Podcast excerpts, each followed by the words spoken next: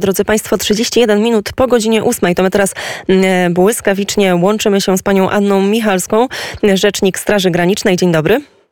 Dzień dobry Pani, dzień dobry Państwu. To opowiedzmy, jak wygląda sytuacja na granicy polsko-białoruskiej, jak wyglądała ta ostatnia noc, ostatnie kilka godzin. Minionej doby na tym odcinku granicy odnotowaliśmy 92 próby jej nielegalnego przekroczenia. To e, wyjątkowo mało, bo taką liczbę to ostatnio pamiętam, że była jeszcze na początku sierpnia poniżej e, 100 prób. Także no, zobaczymy, jakie będą dalsze prognozy, czy te próby się będą nasilały, czy będą malały. Trudno przewidzieć, bo jak cały czas podkreślamy, ta strona białoruska jest nieprzewidywalna, cała ta migracja jest sterowana przez reżim Łukaszenki. Ale minionej doby też miała próba siłowego przekroczenia granicy i to miało miejsce na odcinku ochranianym przez placówkę w Mielniku. Tam e, grupa 33 migrantów siłowo forsowała granicę przy wsparciu e, białoruskiej służb, bo ci e, te osoby prze, ubrane w mundury wojskowe, więc e, prawdopodobnie żołnierze białoruscy rzucali e, w nasze polskie patrole kamieniami, e, oślepiali nas laserami, latarkami. I linię granicy przekroczyło w rezultacie 33 osoby, to, to obywatele Iraku wszyscy. Osoby zostały zatrzymane zaraz przy granicy i pouczone obowiązku opuszczenia terytorium Polski i doprowadzone do linii granicy. Pani rzecznik, powiedziała pani, że tych przypadków było relatywnie bardzo mało, jeżeli chodzi o minioną mm, No jak wyjrzymy teraz przez okna, to widzimy i czujemy to, że te warunki pogodowe bardzo mocno się pogorszyły. Mm, Wiemy także, że wśród migrantów rozprzestrzenia się koronawirus. E, Wiemy też o tym, że mm, są oni już wywożeni z powrotem liniami mm, lotniczymi, między innymi do Iraku. Pytanie, czy możemy liczyć na to, że te wszystkie czynniki przełożą się na spadek zainteresowania właśnie tymi ucieczkami, tą podróżą do Europy?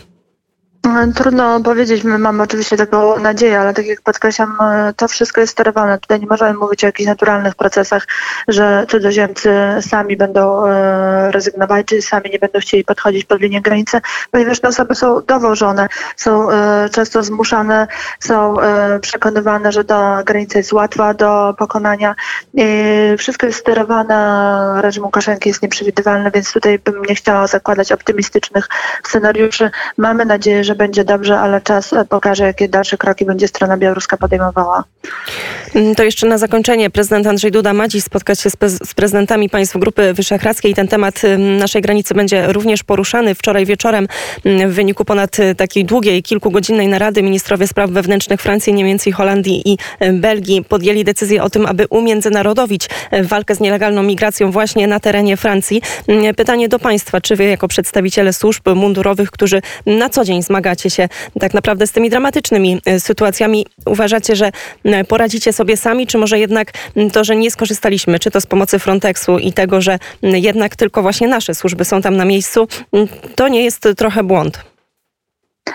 N- Wsparcie, które służby polskie wszystkie razem na ten czas e, presji migracyjnej się bardzo zjednoczyły i okazało się, że choć na przykład Straż Graniczna jest jedną z najlepszych formacji granicznych w Europie, to tutaj na pewno bez wsparcia innych polskich służb byśmy sobie sami nie poradzili, ale te siły były wystarczające i w tej chwili są wystarczające, e, co pokazują te, ta presja, że zmalała i strona białoruska wielokrotnie musiała zmieniać taktykę, bo granica okazała się szczelna i trudna do przekroczenia.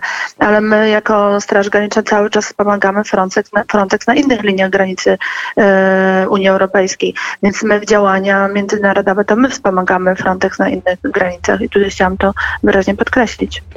Wiem, że pani musi już pędzić dalej, w związku z tym nie zatrzymujemy. Bardzo dziękujemy za ten komentarz. Gościem Radia Wnet była pani Anna Michalska, rzecznik Straży Granicznej. Dziękuję. Dziękuję.